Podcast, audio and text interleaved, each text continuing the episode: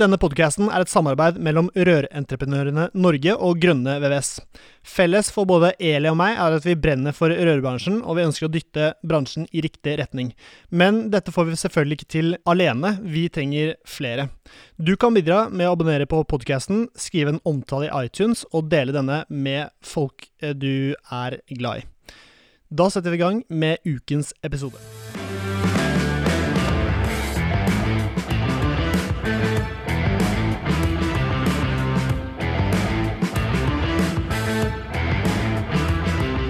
Hei og hjertelig velkommen til en ny episode av Bare Rør med Eli Hermine Heidal Eide fra Røre-Norge og Severin Popp Midteide fra Grønne VVS. Nå er det skikkelig skjør, ass. Det er straks jul, og jeg sitter i arbeidsklærne og har kommet rett fra jobb. Det er lørdag. Jeg startet klokken eh, syv om morgenen. Eh, vi sitter her nå klokken elleve. Skal videre på jobb etterpå, så nå er det skikkelig trøkk, ass. Og det regner jeg med at det er hos dere også, Eli? Ja, det er masse som skjer før jul. Det er siste innspurt på alt. Det virker som at ingenting har liksom landa ennå. Så mm, vi kjører oss inn mot jul. Siste dagene nå. Jeg tenker at eh, Det å få deg og få lyrka deg ut og spille inn podkast i dag, var jo et, en dyd av nødvendighet. For vi må jo klare å levere de siste ukene før jul, vi òg, Severin. Ja, alle må, jeg, jeg syns det er helt utrolig hvordan alle prosjekt skal liksom være ferdig. Det, det er sånn sluttdato på prosjektene skal være type slutten av november, da, og det, mm, det skjer jo sjeldent. så da blir det desember og før årsskiftet, og så er det ja, da er det midt i julestria, så det passer jo dårlig med alt annet som skjer. Og det er julestri for de vi ønsker å ha som gjester i podkasten? Ja, definitivt. Så det at vi har klart å Det at vi finner gjester i det hele tatt til helt disse fantastisk. episodene, det er helt uh, vilt. Det er vanligvis nokså vanskelig å få til, men denne gangen enda vanskeligere. Men vi har med oss en veldig ja, en eh, som kunne stille opp på veldig kort uh, tid, og det var, det var, bra for oss, Eli. Hvem er det du har fisket frem i dag? Dette er en av mine jeg må kalle det, gode venner i denne bransjen. For han, er, han er en av de største grunnene til at det blir bygd vannbårne vannanlegg i Norge. Han heter Rolf Iver Mytting Nei, kan ikke du si hele Nei. Når Rolf Iver Mytting Hagemoen. det er så Kort, langt navn. Kortere navn får du ikke. Jeg pleier bare å kalle han River. Han har forkort, River? River. Han forkorter navnet sitt på mailen sin. Ja, Du kjenner han også godt, altså? Ja, egentlig. Ja, okay. Eh, han begynte i Varmepumpeforeningen eh, rett før eh, jeg begynte i Rør-Norge for snart sju år siden. Ja. Han har Altså, jeg kan ikke tenke meg noen som med, brenner mer for det med varmepumper enn Rolf Iver. Han har jo Jeg tror det er 400 forhandlere, jeg, Rolf Iver, i Varmepumpeforeningen som, som, selger varmepumper og monterer varmepumper, stemmer ikke det? Jo, riktig det. Så jeg tenker, det å få deg hit, det var jo en eh, Kall det en eh, videreføring av det vi har drevet med i høst, Severin. Vi har snakka om vannbehandling, vi har snakka om innreglering, vi har snakka om fjernvarme, vi har snakka om vannbåren gulvvarme. Og da er det jo helt naturlig å toppe det med varmepumper. Ja, varmepumper er dagens store tema. Jeg kan nokså lite om det. Og eh, casen er jo at det er jo mange rørleggere som driver med det, som kanskje ikke vet så veldig mye om det. De burde visst iallfall mer. Og spørsmålet er, burde man spesialisere seg? Hva er, liksom, hva er inngangen til varmepumper? Hvem skal utføre, og osv. Så, det er jo en ting til som er årsaken til at varmepumper er så heftig nå. da. Ja, det, er, det er de sinnssyke strømprisene som er nå. Det er jo det på en måte alle som har åpna en nettside eller en avis eller hørt på en podkast eller en eh, radio og sett på TV-nyhetssending, har jo fått med seg at strøm er liksom det heftigste heftige. Mm. Og en av de tinga vi som bransje kan bidra med på det området, er jo virkelig å redusere de kostnadene folk har eh, på akkurat det her med å drifte huset sitt i forhold til oppvarming, som er det dyreste du driver med i et hus. Så velkommen, Rolf Iver! Tusen takk. Kan du fortelle litt om deg sjøl, eller? Sånn ja, jeg ja. kan jo starte med å si at jeg egentlig skulle gjøre noe helt annet i dag. Men ja. uh, når du ringte og, og, spurte da om jeg vil komme på podkast nå, i, i dag Istedenfor til neste år. Og istedenfor på nyåret, så måtte jeg si ja. Jeg måtte jo stille opp. Få det overstått, så det er bra. Ja, nei, men Det var også litt sånn, det er ikke alle du kan sende en melding til seint en fredag kveld og si at eh, du, vi har fått et forkall, kan du stille opp, liksom? Men uh, han var en av få jeg kunne spørre, syns jeg. Ja, da, eh, kort, eh, kort om meg. Jeg er daglig leder i Norsk Varmepumpeforening. Vi er en interesseorganisasjon som representerer hele varmepumpebransjen. Og varmepumpebransjen det er jo mye. Altså, det er jo alt fra små luft-til-luft-varmepumper i, eh, i eneboliger og rekkehus, til uh, luft, vann, væskevann, avtrekk, ventilasjonsvarmepumper. Uh, varmepumper i yrkesbygg og barnehager og hoteller og svømmehaller og prosessindustri og Tine meierier og oppdrettsanlegg. Altså det er varmepumper. Det, er, det brukes eh, til veldig mye. Du har varmepumper i kjøleskaper og elbiler og oppvaskmaskiner og tørketromler og alt mulig. Altså, varmepumper er en teknologi som nå sprer seg overalt. Mm. Det ser du jo når folk skal kjøpe seg elbil også. Jeg har en varmepumpe. Mm. Så innenfor mange segmenter så er varmepumper blitt en selvfølgelighet. Mens vi jobber jo med varmepumper til oppvarming og kjøling i, i bygg og industri. Da. Det er det som er fokusområdet vårt. Mm. Og blant medlemmene våre så har vi importører, distributører, grossister, eh, rådgivere det er stort spenn. Og så har vi da alle disse forhandlerne. Eh, der det er eh, installasjonsbedrifter over hele landet. Alt fra enkeltmannsforetak til store selskaper med Og rørleggerfirmaer. Ja. Og jeg, de setter vel liksom under installasjonsbedrifter, da. Altså mm. rørleggerfirmaer. Masse rørleggerfirmaer. Mm. Og hvordan ser markedet ut nå? For Vi var jo inne på strømprisene, og at de er skyhøye. Så hvordan har dette påvirket varmepumper det siste året? Vi får jo forespørsler om, eh, om hvordan det går med varmepumpemarkedet med jevne mellomrom. Mens nå i høst så har vi vel aldri hatt så mye henvendelser fra journalister. Ja, Kan vi få en uttalelse hvordan det går med mm. varmepumpemarkedet nå? Så det markedet som er lettest å uttale seg om, det er jo markedet for luft til luft. For at det er så stort volum. Uh, I Norge så har jo, av forskjellige årsaker, så har jo de fleste bygg elektrisk oppvarming. Altså uh, ja, fra fra begynnelsen av 1900-tallet til uh, langt utover 1900-tallet, så, så, var det liksom elektrisk oppvarming som man hadde. Og så har man hatt perioder der man har bygd vannbåren varme flere steder i landet. Og så har vi fått mer og mer vannbåren varme i bygg i, perioder. Men de aller fleste bygg er jo varmet opp med panelovner, og da er jo Har du ikke vannbåren varme i bygget ditt, så er det luft-til-luft-varmepumper som er det som velges. Og Eh, I år så kommer vi til å passere 100 000 luft-til-luft-varmepumper. Og vi ser at det markedet det har stabilisert seg over tid ved at uh, det gikk fra begynnelsen av 2000-tallet til å være en teknologi som folk ikke har kjent, som kjent så mye til. Det er jo alltid sånn at det er liksom folk som er teknologioptimister, altså teknofriker som liker nye ting og sånt. Ja, de var først ute. ute. Og så har det en teknologi som er blitt mer og mer kjent, og så har de fleste nå en nabo og familiemedlem som varmepumpe, og så er det blitt allemannseie. Så over 50% av alle småhus nå har varmepumper, uh, og det bare vokser og vokser. Og vi ser jo da at i år, sånn som i, i fjor, der vi hadde historisk lave strømpriser, så gikk varmepumpesalget litt ned. Uh, og i år, som vi har de høyeste strømprisene noensinne, så har det bare tatt helt av. Mm. Um, mens når det gjelder luftvann, eskevann, som er um, mer uh, nærliggende for de fleste rørleggere, da, så er, det, så er vi et mer umodent marked enn resten av Europa og f.eks. Sverige.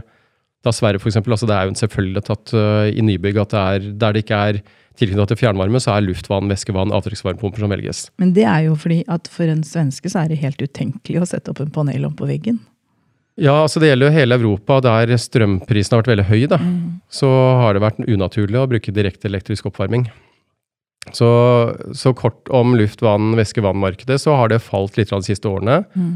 Um, men vi har merket nå i høst, så har forespørselen tatt seg opp igjen. For at luft til luft-varmepumper, det, det, er sånn Hvis noen leser i avisa å nå er det høye strømpriser, ja, skal vi gjøre noe? Ja, skal vi kjøpe oss en varmepumpe? Det er liksom, Tar det en uke eller to eller tre, så er den varmepumpa ferdig montert. De fleste varmepumpene som selges i dag ferdigmontert, ligger liksom på mellom 20 25 30 000. Mm. Det er noe veldig mange husholdninger har råd til, nedbetalt på tre til seks år. Mens en luft, vann, væske, vann-varmepumpe det er en større investering. Da må du tenke litt om. ikke sant? Det er samme som når du skal pusse opp badet og kjøpe ny bil. og alt mulig. Så det er noe du må tenke litt om. da. Så, et valg du gjør, på en det er, måte? Det er et valg, mm. valg du gjør, ja. Og så er det da å finne finne en installatør, et rørleggerfirma som kan komme på befaring osv. Altså det, den beslutningsprosessen tar litt lengre tid. Men mm. vi merker jo nå at mange av de som har sittet på gjerdet eh, og tenkt ja, skal vi skaffe oss det, altså nå har Nå er liksom vippa. Nå, nå er det vippa litt. Mm. Og klart med, med, hvis vi har stabilt høyere priser i årene framover, så er jo helt innlysende at det markedet kommer til å få seg et løft. Altså hvis det er noen rørleggerbedrifter der ute som er litt bekymra for at nå smalt det til med mer korona igjen, og at kanskje oppdragsmengder og sånn vil falle, så ville jeg gått inn i arkivene mine og sett på hvem er alle de jeg kjenner eller har hatt som kunder som, har montert, eh, som jeg har montert vannbåren varme hos, som kanskje har en dobbeltmantla bereder eller en elkassett. For de kundene begynner nok å bli ganske modne for et tilbud fra deg nå på en eh, væskevann- eller luftvannvarmepumpe. Ja, så Du kan jo dele eh, markedet i to, hvis vi ta- tar, eh, tar småhussegmentet først. da. Um, Eneboliger, rekkehus, tomannsboliger. hva det må være for noe. Altså, har, de, har de vannbåren varme fra før av, så, så er det jo enten da eldre bygg som har hatt en oljefyr. Um, Og det ble jo forbudt da, for et par år siden. Så det var jo noen, veldig mange valgte jo da varmepumpe, men det er jo en del som ville utsette den eh, beslutningen, som, satt, som gikk over på elektrokjel, hvis man hadde høy nok kapasitet. Mm. Um, eller at de har valgt bioolje. Mm. Det er jo veldig mange som har brent seg på bioolje. For at bruker du bioolje, så må du ha den høyeste kvaliteten, ellers så får du problemer. Ja. Um, og elektrokjel um, det kan jo være gunstig når det er veldig billige priser, mens Mm. når prisene er sånn som det er nå, så vil det nok være mange av de som tenker nå skal jeg skaffe meg varmepumpe. Og så er det på Mm. nybygg, så er jo også en del som har da kjøpt fra ferdighusleverandør, eller uh, som har bestilt uh, vannbåren varme selv, som tenkte at ja, vi skal se an, kanskje vi skal ha varmepumpe i framtida. Nå er tiden moden.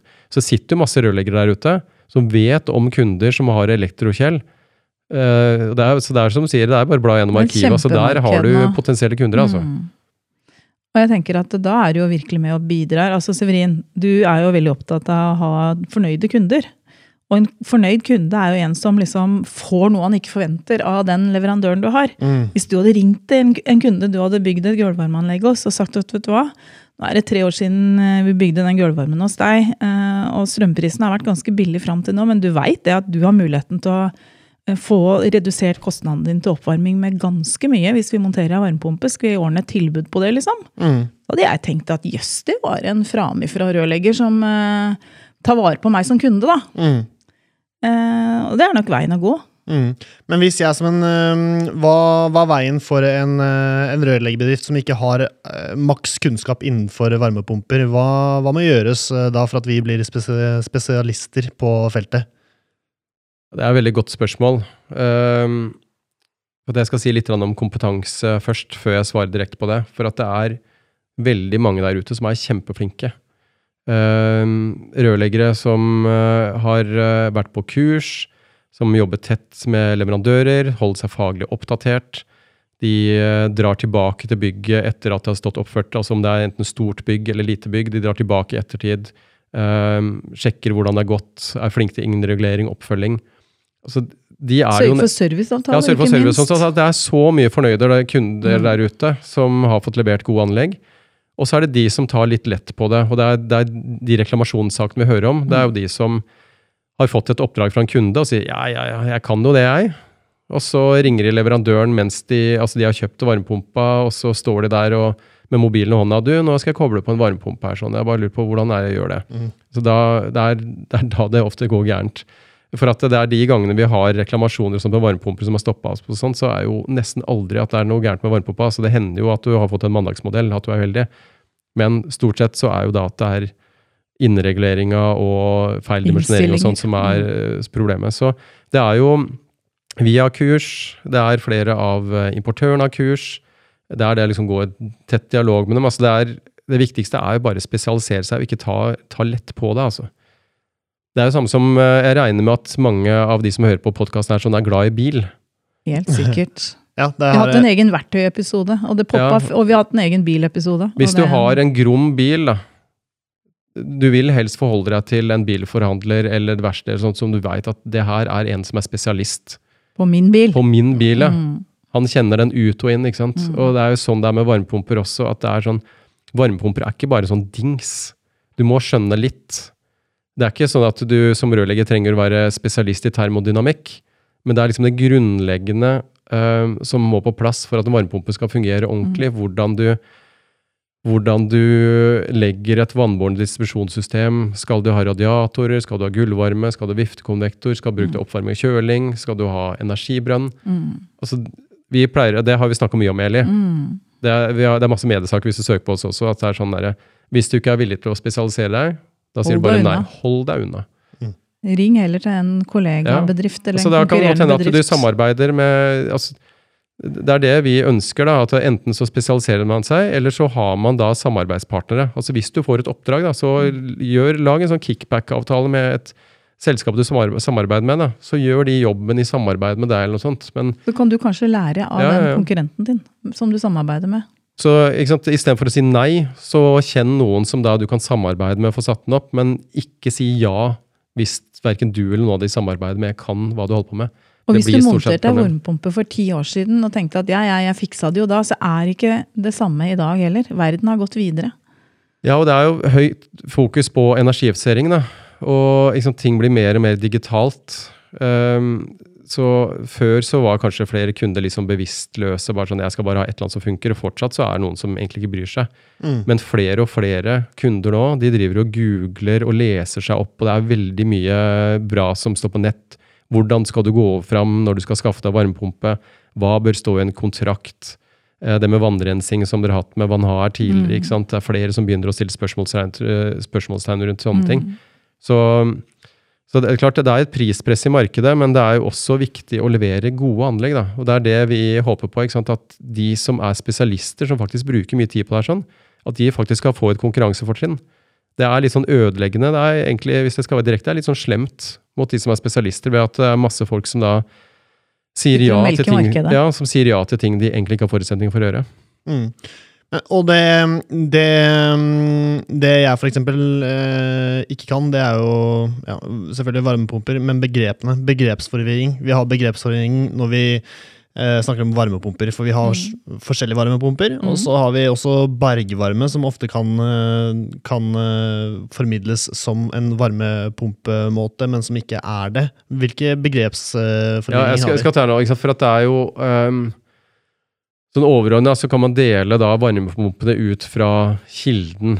Liksom Man snakker om luft-luft. Da henter man da energien fra uteluft og leverer det gjennom en inndelerluft. Også luft-vann, da henter man eh, energien fra uteluft. Og så har man en varmedistribusjon inne, som er da vannbårent, som da fordeler eh, varme enten gjennom eh, gullvarme, radiator, viftekonvektor, men du kan også ha en varmeveksler der da vannbårne systemet er kobla mot et ventilasjonsanlegg. Eh, men det er, liksom et, det er noe vannbårent som er på innesida. Men da henter du energien fra utelufta. Ja. Og, og bare for å ta det med luft før jeg går eh, ned til liksom, eh, væske-vannvarmepumpene, så er jo mange som har problemer med å skjønne eh, at man kan hente energi ute også. Men det er jo for at vi har jo definert at null grader det er når eh, vann fryser. Men det er liksom null kelvin, det er jo 273 0,15 ja, minus. minus, ikke sant? Så det er jo, det er jo energi i lufta hele tida. Så så det er jo selv når det er eh, 5, 10, 15, 20 minus, så er det energi i lufta. Men klart, når du bruker uteluft, så, så, og temperaturen faller, så vil jo da hvor mye energi og hvor mye effekt varmepumpa kan gi, det vil jo reduseres etter hvert. Så i mange tilfeller så er luft, luft, luft, vann riktig for din type bolig. Litt Mens- avhengig av hvor du bor i i Litt avhengig av hvor du bor og hvor stort oppvarmingsbehov du har. Mens hvis du har stort oppvarmingsbehov, så er jo det grommeste, det mest effektive og sånt, det er jo da væske-vannvarmepumper. Og mm, væske-vannvarmepumper, det er jo felles begrep for bergvarmepumper. Og, hent, og bergvarmepumper kaller man noe for geoenergi eller jordvarme. Det er for noe. Men så bergvarmepumper det er når du da borer energibrønner ned i fjell. Du henter energien fra bakken. Eh, der det er, eh, det er egentlig sola som gjennom, million, året, gjennom millionvis av år og gjennom hele året liksom varmer opp de øverste sjiktlagene. Det er ikke sånn at det kommer fra varm magma langt nedi. altså Da må du ha dyp, veldig dype brønner. Så det er bergvarme, altså jordvarme, som ikke er så så utbredt i Norge, men som der du har jordsløyfer, og så har du store hager og store fellesområder, så kan du bruke det. Det er da jordvarme. Og så er det noen som henter da fra eh, fra grunnvannsreservoarer. Det ser du, det er grunnvannsvarmepumper. Det er jo spesielt store varmepumpesystemer. Du kan hente fra sjøvann, du kan hente fra elver. altså Det er, det er mange forskjeller. Du kan hente fra kloakk. Mm. Men for boligsegmentet da, så er liksom luft, luft, luft, vann, bergvarme, det er liksom det som er, det er, det som er vanligste.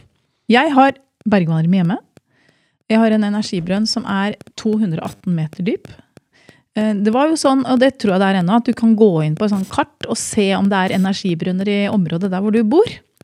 Det syns jeg var veldig motiverende når vi skulle ha en eh, leverandør for å montere varmepumpa hos oss, eller lage energibrønn. Um, så han um, bora og bora og bora, og så sa han seg egentlig fornøyd, tror jeg, på rundt 180 meter. Men jeg visste jo det at det er litt viktig å hente mest mulig energi ut av bakken. Og når vedkommende først var der, så var det jo greit å få det hølet så dypt som mulig. Så jeg var borte og kikka på bilen og så om han hadde noe mer rør, da, det hadde han. Så jeg fikk lurt den til å bruke alle røra sine, og 218 meter endte den på.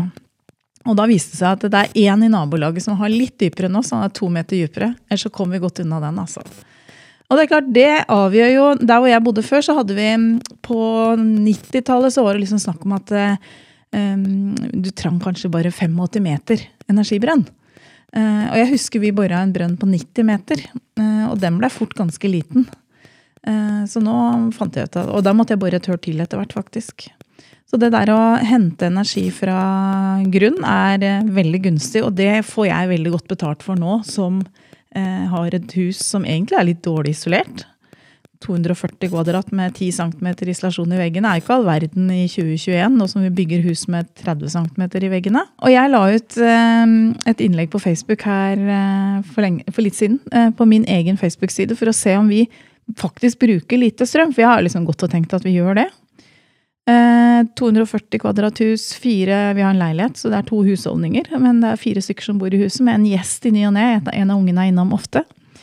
6,4 kWt per kvadrat hadde vi i november. 1476 kWt. Dette er jo ikke personlige opplysninger, så det kan jeg opplyse. Men greia er at da var det jo veldig mange som begynte å svare på den tråden på Facebook-sida mi. Eh, og fortelle hva de hadde. Og det er klart, eh, det var jo selvfølgelig mange rørleggere, for rørleggere er jo, mange er jo veldig interessert i det her. Men jeg så jo det at vi har faktisk ganske lavt forbruk med tanke på at vi har bare 10 cm eh, isolasjon i veggene hos oss. Um, og dette er jo noe som virkelig betyr noe for meg nå. Å kunne sitte her og ha 1476 kWt som jeg skal betale for, istedenfor det dobbelte eller kanskje det tredobbelte. Det har mye å si for økonomien. Kan du si hva du vil om at når vi investerte i den varmepumpa, så var det ganske mye penger. Uh, jeg tipper at vi betalte skal jeg si, borehull og energibrønn. Altså energibrønn og varmepumpe. 150 000-60 000 ekstra, pluss litt montering fra rørleggeren. Gulvvarme skulle vi ha uansett. Eh, men det har vi fått igjen eh, på de ni åra vi har bodd der nå. Og nå er det jo liksom, du føler at du får, får penger nesten, selv om du må betale ei strømregning. Ja, Så du har jo en uh, pengemaskin stående nede i kjelleren? Ja, rett og slett en pengemaskin. Så det... altså bare Kort kommentar til det du nevner nå. Da, at det er jo, vi kjenner jo naturlig nok mange som er opptatt av varmepumper. Som har apper og liksom følger med på forbruket sitt hele tiden. Mm. Og det er jo helt utrolig å se hvor lavt energiforbruk de har, sammenlignet med de som ikke har det. Men det er, mm. sant, har du en årsvarmefaktor på, på tre eller tre og en halv eller fire, da, mm. så sparer du helt ekstremt mye. Og det er jo kan du da forklare ja. hva en årsvarmefaktor er? Ja, Skal vi bli tekniske nå? Ja, nei, ja, nei, men litt sånn ja, er ikke, Du er jo ikke ingeniør eller rørlegger. Du har jo en helt annen bakgrunn, Rolf Iver. Men du kan jo mye mer om dette her enn folk flest allikevel. Ja, altså Jeg har en universitetsutdannelse fra Universitetet i Oslo, men ikke på varmepumper. Men jeg kan likevel eh, ganske mye om varmepumper. Så um, vi skal jo tilbake til huset ditt uh, kjapt uh, etter hvert, men bare si litt med, med, begreper. da, for at Det er jo faktisk litt sånn utfordring i varmepumpebransjen også, at noen er så utrolig opptatt av å snakke om teknologien, og kunden mm. skjønner jo ingenting. Det er samme som hvis du kjøper en TV. Du er bare interessert i hva TV-en kan gjøre, og ikke alt det der med hva slags teknologi som ligger bak. og alt mulig sånt. Jeg driter jo egentlig i hvordan det kan skje at det er en TV som funker. Jeg vil bare at den funker. Ja, altså, jeg, jeg, tror Det viktigste med varmepumper, da, altså når man snakker om da årsvarmfaktor, uh, som er et begrep som brukes, det er jo hvor mye varme får du ut av varmepumpa sammenlignet med hvor mye el du bruker. Så dere vil se på, en, eh, på nettsider og på etiketten når du ser energimerke på varmepumpa, sånn, så står det COP. COP det står jo da for hvor mye varme får du ut av den elektrisiteten du bruker akkurat nå. Mens årsvarmfaktor det er jo hvor mye du får i løpet av året. Så hvis du har en årsvarmfaktor på fire, så er det sånn at du bruker én del elektrisitet, og så får du fire deler varme tilbake. Det vil si at uh, Hvis du bruker én kilowatt, så får du fire kilowatt tilbake. Du får tre kilowatt gratis fra naturen. Så, så, de som har bergvarme, de opplever jo ofte at de får tre fjerdedeler uh, av, av oppvarmingsforbruket sitt kutta. Så det er ja, 60-70-80 avhengig av hvor effektivt system du har, så får du redusert uh, Og det gjelder jo tappevann også. Ja, ja, ja. Det er viktig å få med, for tappevann er en vesentlig del av strømkostnaden som mange glemmer. Så altså, Når folk snakker om oppvarmingsbehov, sånn, så glemmer folk ofte å snakke om tappevann. Mm. Så En luft-til-luft-varmepumpe det er jo romoppvarming, mens luft, vann, væske, vann de tar jo også tappevann. Mm. Så bergvarme, som jeg sa i stad, det er liksom det, det grommeste. Så hvis du har eldre hus med vannbåren varme, så er jo kjempebesparelser. Samme som nye hus også, med stort oppvarmingsbehov. Mm. Kjempesparelser. Men så er jo da Det, jo, det går jo på dimensjonering og sånt. altså Hvis et lite, et lite energieffektivt hus, så må du være nøye på dimensjoneringa, At du da ikke har for stor varmepumpe. Du trenger kanskje ikke like dyp energibrønn. På en del helt nye små hus så kan en energibrønn på 80-90 meter være nok. Men på type huset du har, så er jo 220-250 meter. Mm.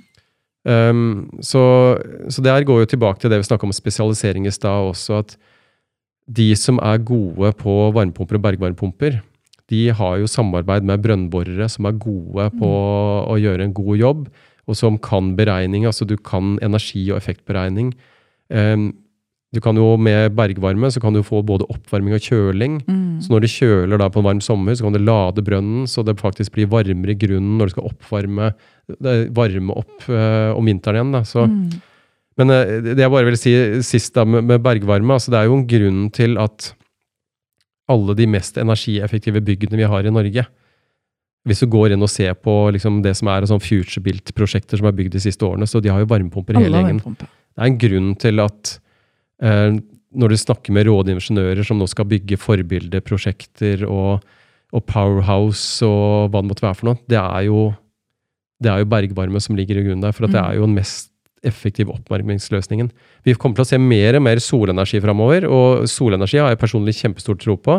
Og det er bra at det får oppmerksomhet, men når du ser på mange av de byggene som er mest energieffektive, så er det liksom det som står i media. Og sånt, ja, og så er det solceller på taket. Mm. Men det er varmepumpa som er pengemaskin. Ja, så må du liksom lese deg gjennom, så er det en varmepumpe som er liksom grunnen til at energiforbruket er veldig lavt. Mm. Det kan hende du har solceller for å kunne ha strøm nok til å drive varmepumpa, men det er varmepumpa som er den gode dealen. Det er det ikke solcellene. Mer, det vil se mer og mer framover også, at det er solceller som også driver varmepumper og sånt, mm. for å få ned forbruket enda mer. Mm. Hvordan ser du for deg markedet om eh, fem år, og hva vil du se for deg? Altså, hvordan vil du at det skal se ut? Ja, for å ta det enkleste først, uh, bare luft-luft, før jeg går over til det som er mest relevant for rørleggerne, så må jeg si at det er veldig mange rørleggere som jobber med luft-luft også. Da, for mm. at det er, det er så stort marked. Mm. At de vil ha en stor portefølje av ting de kan jobbe med. Um, Luft-til-luft-markedet det har vi analysert mye som prognosesenteret, så det kommer til å stabilisere seg på et høyt nivå. Det kommer til å ligge på pluss-minus 100 000 enheter i året, for at nå kommer utskiftingsmarkedet til å bli større og større. Mm. Det vil si at varmepumper som nå er 10-12-15 år gamle, de skiftes ut. Mm. Og så er det mange som bor i store hus, som finner ut at vi vil ha to varmepumper i huset. Én i hver etasje, eller én i hver ende av, av bygget. Når det gjelder luftvann, væskevann, så er det et marked som er vanskeligere å analysere. For at uh, det er flere ting som spiller inn. Um, med høyere strømpriser så vil etterspørselen øke, det er ingen tvil om. Og NVE kom jo med en ny kraftmarkedsanalyse for noen uker tilbake. Som i deres analyse så ser de det at strømprisene kommer til å ligge på et høyere nivå i årene framover enn det de har gjort de siste årene. Det er for at det mer skal elektrifiseres altså Kullkraftverk og atomkraftverk legges ned i Europa. Vi får mer industri i Europa. Vi får mer industri i Norge, Norge, også. Mm. Mer forbruk. Det er så mye motstand mot vindkraft, så det kommer ikke til å bli produsert like mye vindkraft som før. Så det kommer til å bli mer fokus på energieffisering. Og det, det, kommer til å være gunstig for det. Så høyere strømpriser, mer fokus på energieffisering, kommer til å dra opp det markedet. Og så håper jeg at vi får se flere spesialister. Folk som er framme i skoa, på'n som er aktive overfor forbrukerne. og for at Importørene bruker masse penger på markedsføring. Mm. Men vi trenger også eh, altså Importørene de er jo ikke direkte i dialog med forbrukerne. Så liksom rørleggere, hver gang det er et rehab-prosjekt eller hver gang det er et nybygg, så må de være framme i skoa. Hvis det er noen som skal totalrehabilitere eneboligen sin, en gammel enebolig, og de har tenkt å rive gulv, så må du ikke si ja, jeg tror det er enklest for deg å legge elektrisk gulvvarme. Det er så enkelt. Da må du selvfølgelig det... legge en vannbåren gulvvarme. ikke sant? Det må jo være fælt. Og nå tenker jeg, hvis du har lagt elektrisk gulvvarme nå, de siste åra og hadde hatt muligheten til å legge vannbårent, da, da hadde jeg vært Ja, så- litt lei meg, rett og slett. Så høye strømpriser, for de som spesialiserer seg, vil dra opp uh, markedet. Men så er jo da det vi jobber med politisk, da.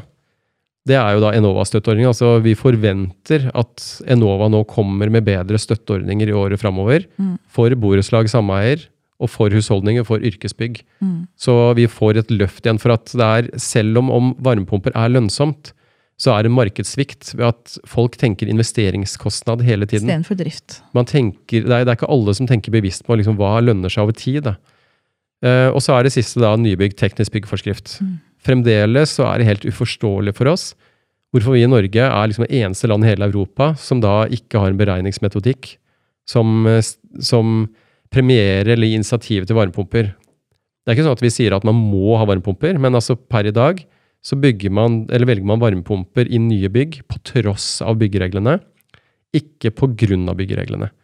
Mens i hele Europa så er sånn, velger du varmepumper, så får du et initiativ til det. Altså det er, så vi ser nå byggeregler over hele Europa nå stimulerer til varmepumper. Man har støtteordninger til varmepumper, og luft, vann, væske, vann er to teknologier som vokser kjempefort i hele Europa, bortsett fra Norge. Så klart byggereglene er viktige. Det betyr jo at altså når han snakker om byggeregler, da er det den berømte TEK 17 som vi har snakka litt om tidligere, Severin. Og i TEK 17 så står det det at bygg under 1000 kvadrat kan gjøre hva pokker du vil. Der kan du ha varmekabler, og du kan, ja, du kan egentlig gjøre akkurat hva du vil. Fram til 2016 så hadde vi vel regler om at også eneboliger måtte ha minimum var det 40 eller 60 Ja, dekka. 40% fornybar andel, som det het før. da. Og det er klart, det gjorde jo at hele varmepumpemarkedet fikk et løft når den regelen kom i kanskje TEK 10. Ja. Eh, Så de åra mellom 2010 og 2016 var jo en bra periode, fordi at da blei alle boliger av en viss størrelse bygd med mm, vannbåren oppvarming i en eller annen form. Og alle de, om de ikke monterte varmepumpe der og da, så har de i hvert fall muligheten til det etterpå. Men etter TEK 17 blei endra, og jeg har en mistanke om at mye av grunnen til at TEK 17 blei endra, sånn at vi mista vannbåren varme i boligbygg eller bygg under 1000 kvadrat, for det var jo 500 kvadrat som var grensa før, Ja, riktig. det. det er jo um, push på at uh, vanlige folk skal ha liksom råd til å kjøpe seg en billig bolig, og da var liksom vannbåren varme det som skulle gjøre denne boligen billigere. Og det er klart, ja, markedsprisen i et område endrer seg jo ikke fordi om du har varme, vannbåren varme eller ikke. Det, her er jo noe av det vi har brukt mest tid på i Norsk Varmepumpeforening de siste årene. Da. Det å jobbe med rammevilkår, ha økt fokus på energieffisering eh, og da teknisk byggeforskrift. Og vi ser jo veldig tydelig da, at um, da nye energireglene ble innført i 2016, Mm. så forsvant uh, vannbåren varme og varmepumper fra masse prosjekter. Mm.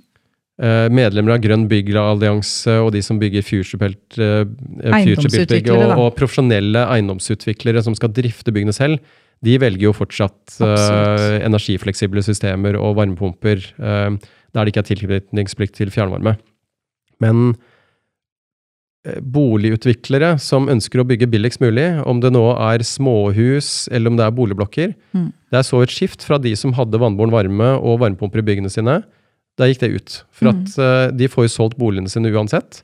Folk er ikke opptatt av det. Så det, er så, det har vært så stort press i markedet at folk har fått solgt leilighetene sine, husene overalt. Og vi kjenner jo til flere konkrete caser også. Det er folk som har snakket med ferdighusprodusenter som sier at jeg vil gjerne ha vannbåren varme og, og, og varmepumpe.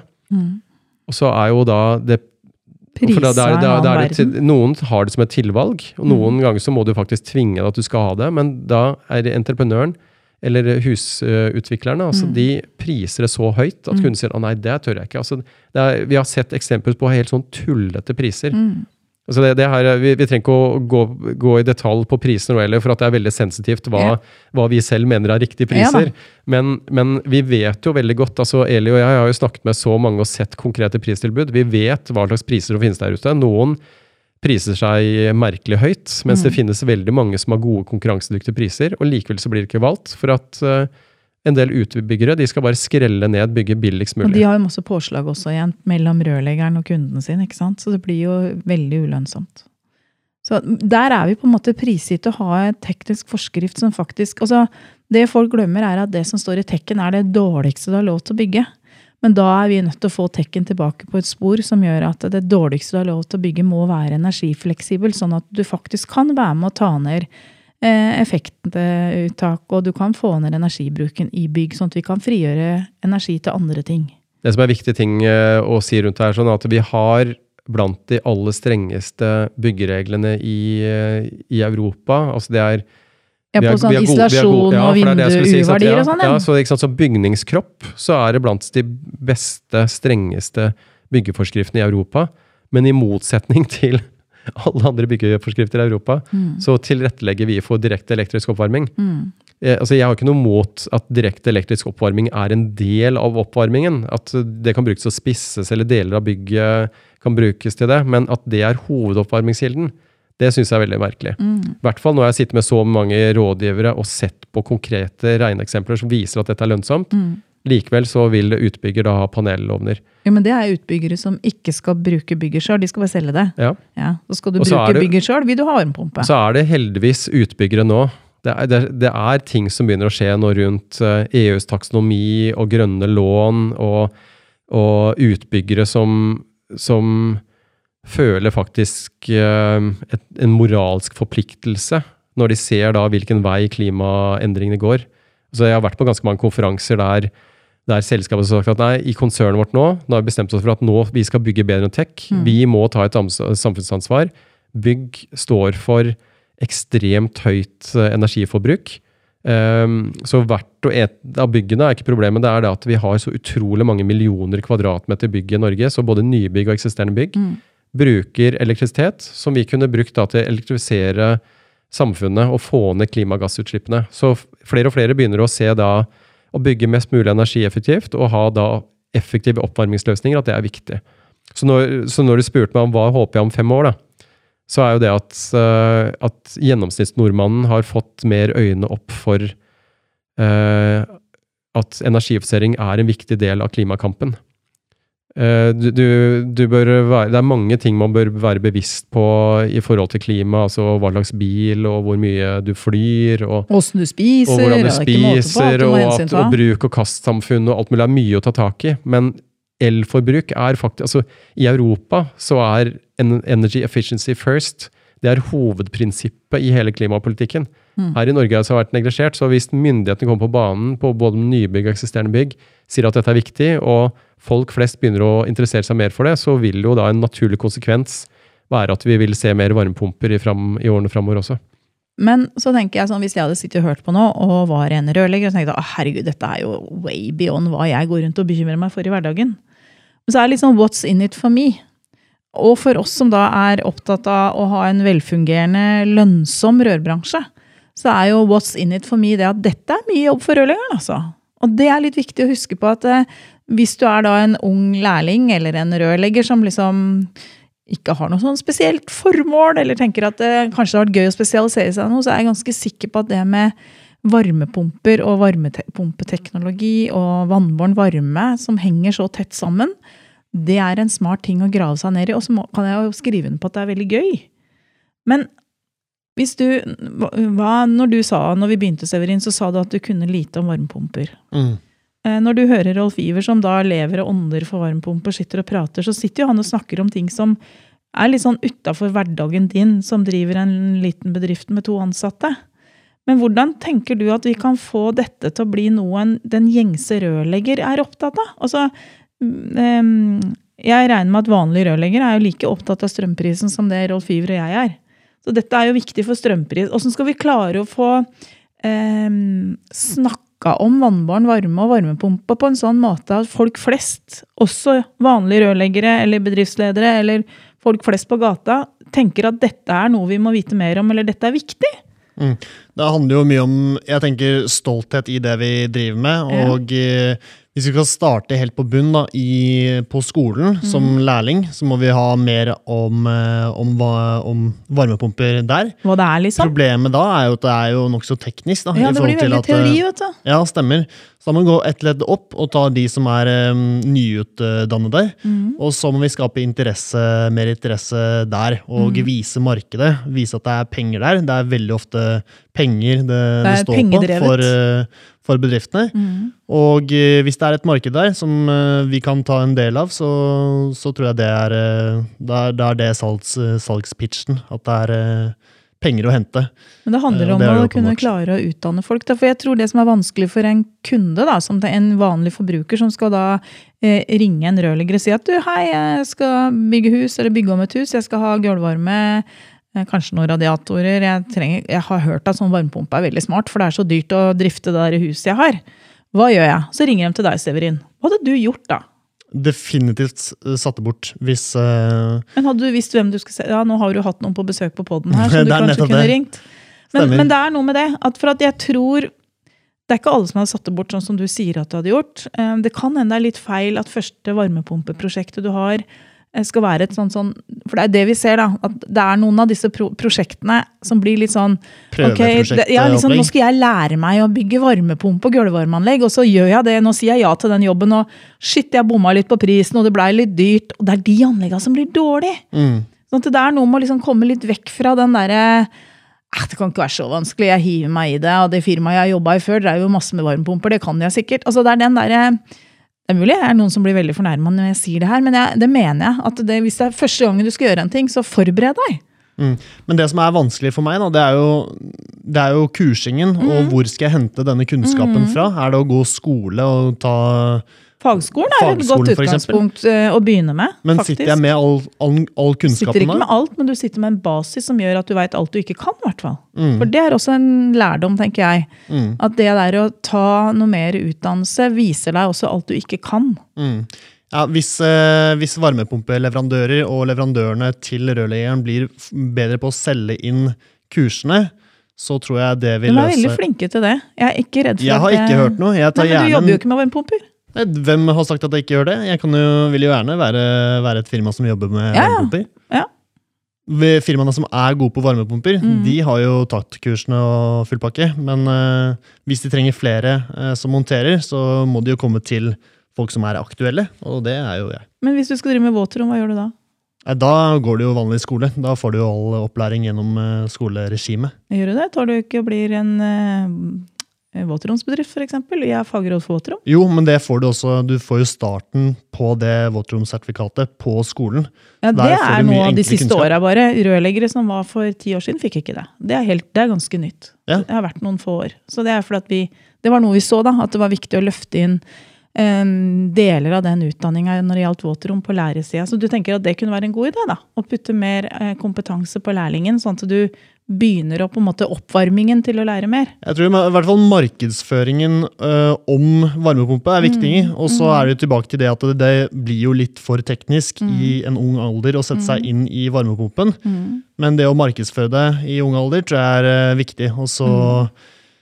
vil jeg, altså sitter en varmepumpeleverandør der ute, det gjør det sikkert. Noen som har uh, fått Ja, men noen som hører på episoden, og som ønsker en bedre leverandør. Så ta gjerne en telefon til meg, så Mm. får vi får vi kursa meg Skal du se det blir mye telefoner av alle leverandørene dine, eh, Rolf Iver? Ja, nei, jeg kan jo bare si litt om det er sånn at uh, Rørentreprenørene har jo jobbet aktivt i mange år med å bygge opp kompetansen gjennom eh, opplæringskontorene. Mm. Eh, og det er jo litt sånn generasjonsskifte også blant mange av de som jobber der også. Mm. Så liksom, varmepumper er relativt nytt. altså Selv om vi har hatt varmepumper i Norge i mange mange år, så er det fortsatt nytt for mange rørleggere. Um, og det er jo forskjell på du, Severin, som er eh, relativt ung. da. Det er ikke så lenge siden du Ikke bare relativt, han er jo veldig ja, det, ja, i forhold til oss som begynner å bli gamle, så er jeg veldig ung. Så det er jo, det er jo veldig viktig å ta tak i uh, yrkesfagutdannelsen og opplæringskontoren og teknisk fagskole for de som da vil videreutvikle seg. Mm. Men så er det jo da masse rørleggere som er 30-40-50-60 år der ute også, Mm. som også som alle andre profesjoner i samfunnet må sette av noen dager i året til kompetanseheving. For det er jo det er det som er litt utfordringen, at du har en rødglødende telefon der det er oppdrag som kommer hele tiden. Klart, har du, mer, Vanskelig, altså, du sier ikke nei, altså. har, du, ja, har du mer enn nok å gjøre, så greit nok det. Men hvis du har vekstambisjoner for selskapet ditt, da, ser at oi, eh, ved siden av sanitær og alle de andre tingene jeg holdt på med, så er vannbåren varme og varmepumper det er jo et kjempesegment. Mm. Skal jeg jobbe med det, eller skal jeg ikke? Og veldig mange rørleggere ser på seg selv som generalister, at jeg kan alt. Mm. Men det er forskjell på sanitær og sprinkel og hvor vi går på våtrom og vannbårne distribusjonssystemer. Altså det er forskjellige ting. Du, du trenger å spesialisere deg. Og så da, ta bare det med å bygge et hus. da. Og så ville noen av dere eh, kjøpt bestilt et eh, La oss si at du har et arkitekttegnet hus. Du, du er byggherre selv. Og så skal du gå ut til en snekker, og så sier snekkeren du vet hva, jeg har aldri bygd et hus før i hele mitt liv, ja, men jeg, jeg, gjør, jeg gir Jeg en klarer sjanse. det sikkert. Jeg klarer det sikkert. Altså De som er tømrere, de gjør jo det samme dag etter dag etter dag. dag. De veit jo hvordan de gjør det. her, Og, sånn, og de som bygger vannbårne distribusjonssystemer, de veit jo hvordan de gjør det. Og så er det da forskjell, altså de som er spesialist på det, men så er det da forskjell på den utførende delen, der det ikke trengs like mye av kursing, og så er det prosjekteringsdelen. Det er det to det- veldig forskjellige ting. Så er det vi er opptatt av. ikke sant? At um, i en uh, i en rørleggerbedrift der du faktisk skal eh, prosjektere, der det er du som tegner anlegget, og det er du som gir pristilbud og gjør alt mulig, da må du ha prosjekteringskompetanse. Men hvis du bare får noen systemtegninger i hånda, så er det viktig at du bare skjønner grunnleggende prinsippene. Så du selv kan stille spørsmålstegn hvis du ser oi, skal den ventilen være der, eller uh, hvordan er det med hydraulisk balanse? Dette, dette ser jo ikke riktig ut. For at det er jo det er så press på timer i, i, bransjen også, at det er veldig mange som bare gjør ting. Mm. Og jeg vet om folk som ser på tegning bare sånn Dette ser jo ikke helt riktig ut, men det er jo ikke mitt problem. Eh, og da er det liksom bare sånn Du, eh, jeg tror hvis vi gjør sånn og sånn, så er det bedre. ikke sant? Så det er Jeg vil avslutte igjen med det jeg har sagt. Det er veldig mange flinke der ute. Men det med kursing er viktig. altså Samme hvor ung eller gammel du er, så er det sånn Vi, vi i Norsk Varmepumpeforening eh, er jo den største kursoperatøren på varmepumper og skal utvikle nye kurs nå for varmepumper for vannbåren varme som vil komme snart. Det er videreutvikle de kursene vi har hatt før. Du har flere av rørkjedene har kurs. eh, Du har importører har kurs. Um, og du har jo da de som leverer eh, radiator, og spesielt gullvarmeleverandørene, som vi har jobba mye med, med Ellie. ikke sant? Det er jo, de har også kurs. Det går an å ringe hvis du jobber tett med noen av de. Bare sånn, du, jeg har lyst til å lære meg mer om hvordan jeg legger gullvarme. De, de kommer til å stå der med åpne armer og, og ta deg imot. Så, så men jeg, jeg hører hva du sier, Severin. For at eh, jeg regner med at du som mange andre har en som jeg nevnte, rødglødende telefon. Det er så mye e-poster, og det er så mye på Facebook, og alt, men det er så mye informasjon. ikke sant? Så det er ikke det at det er mangel på kurs, det er bare det at eh, det er, det er så mye informasjon som kommer hele tida. Mm. Men da har jeg en oppfordring. Mm. Det er at eh, nå er det jo snart jul. Ja. Og da senker jo skuldrene seg, og vi får servert god mat. Vi, det er nesten sånn at man går litt på veggen noen ganger og har litt lyst til å drive med noe. Da vil jeg anbefale å gå inn på novap.no, på nettsida deres. For der står det veldig mye om varmepumper. Og du kan finne masse forskjellig om altså leverandørene dere er tilknytta. Så det å bruke noen timer på sånn varmepumpescrolling i romjula, det er min oppfordring. Og så vil jeg anbefale også vår forbrukernettside, varmepumpeinfo.no, som er ment til forbruker, men også installatører og sånt. Der står også mye informasjon om varmepumper og hva et tilbud bør inne, inneholde osv. Men så kan det komme en avsløring også, da, eh, Eli, at Røroperatører Norge og Novap og Norsk Fjernvarme også, vi jobber jo mye med å øke kompetansen på vannbåren varme. Så, så det er sånn, vi, vi kommer til å ha fokus på det framover. Og vi har jo samarbeida godt med rørentreprenørene også med kurs. altså Når vi hadde, hadde fokus på å skifte ut oljefyr, så var jo samarbeid med rørentreprenørene, så hadde vi jo kurs over hele landet. Det er mange mange, av kurs. ja, mange av sine medlemmer gikk jo da på kurs på hvordan man skulle skifte ut oljefyr med varmepumpe. Og så kommer vi nå med nye kurs også, som går da på varmepumpe for vannbåren varme. Så, så Så første bud er, er, tenker jeg, skal du drive med varmepumpe, ta de kursene som Novap tilbyr. For det gjør at du er mye bedre rusta til å møte det markedet. da. Mm. Ja, takk. Er du klar da, eller? Jeg er klar til å bli kursa, iallfall. Jeg Ja. tror det er der vi, der vi legger den. Jeg lurer på hvordan du har tid til å jobbe Severin, etter vi starta den podkasten. For hele den, altså nå har vi hatt, dette er 36. episoden vi har. Og det, er, det popper opp nye ting du har lyst til å lære deg hele tida. Ja, jeg vet det. Jeg det skjønner nesten ikke at du enten, Hvis du ikke har rukket å gjøre noen av de kursene, så får du ikke tid til annet enn å gå på kurs neste år. nei, det er akkurat det jeg tenker, og det er jo det som er casen. At man, man har en, flere folk. ja, det er, det er også casen, Ja. men det er, eh, det er jo veldig spot on når du sier en rødglødende telefon som alltid ringer. Og så når skal du ta tid? Du ser jo Altså, Når man først starter opp et firma, så er det jo det, er det man er ute etter. En rødglødende telefon. Mm. Når man først får det, så er man nesten litt avhengig av den. føler man. Og så, og så tar man seg ikke tid til å kurse og bli bedre. Da tenker man ja, ok, jeg, jeg jobber og lærer og, og lærer mens jeg jobber. Men Mens- du skal ikke lære mens du bygger det første varmepumpeanlegget ditt. du. Nei, er skal du gå på kurs før du bygger, ikke sant? Det er Det, har vi det. er vi enige om nå. Mm. Men i dag kom det en julegave. Og det var da en uh, formidling av hvordan og hvor jeg finner disse kursene. Mm. Det setter jeg pris på, altså. Så bra. Mm. Jeg vil bare si en siste ting fra meg nå. Det er jo eh, Jeg bruker et eh, begrep ofte. altså Det er korte penger og lange penger. Mm. Og folk Mm. flest er jo opptatt av korte penger. Jeg skal ha Mm. penga nå, og, og telefonen ringer nå. Men vi skal tenke lange penger. Hvis du, skal, hvis du har langsiktig plan for selskapet ditt, så er det det å faktisk uh, se på kalenderen og se på når på året er det minst mulig trøkk.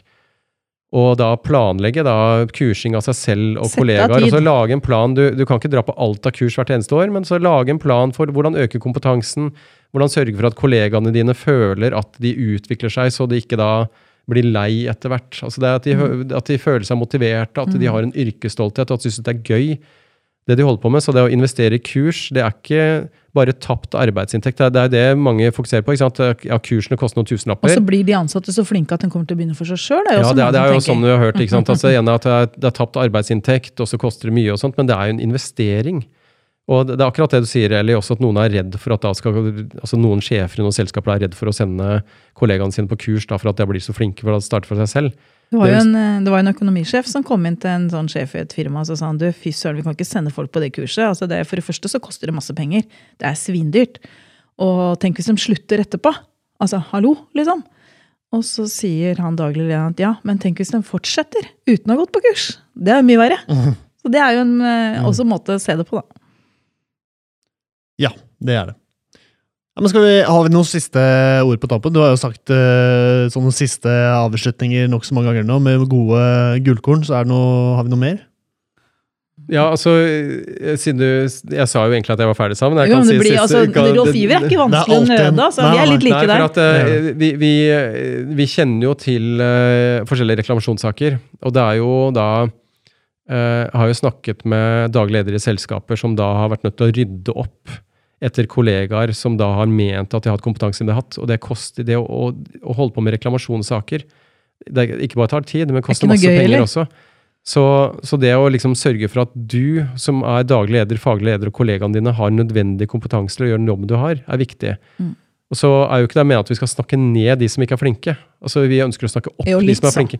Ja, ja, men altså vi ønsker, å, vi ønsker å snakke opp de som er flinke, Ja.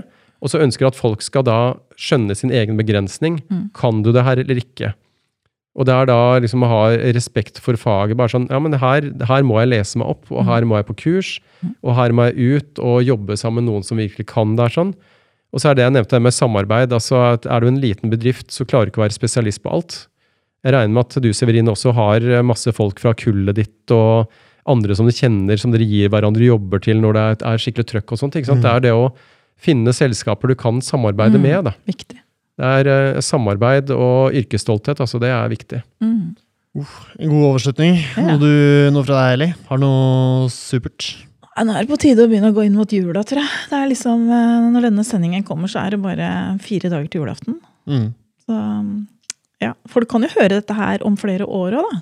For det, det er jo litt fint med denne podkasten. At den varer jo og varer jo og varer jo. Så det er jo, selv om det er rett før jul for oss nå, så kan det jo være rett før sommerferien for noen andre.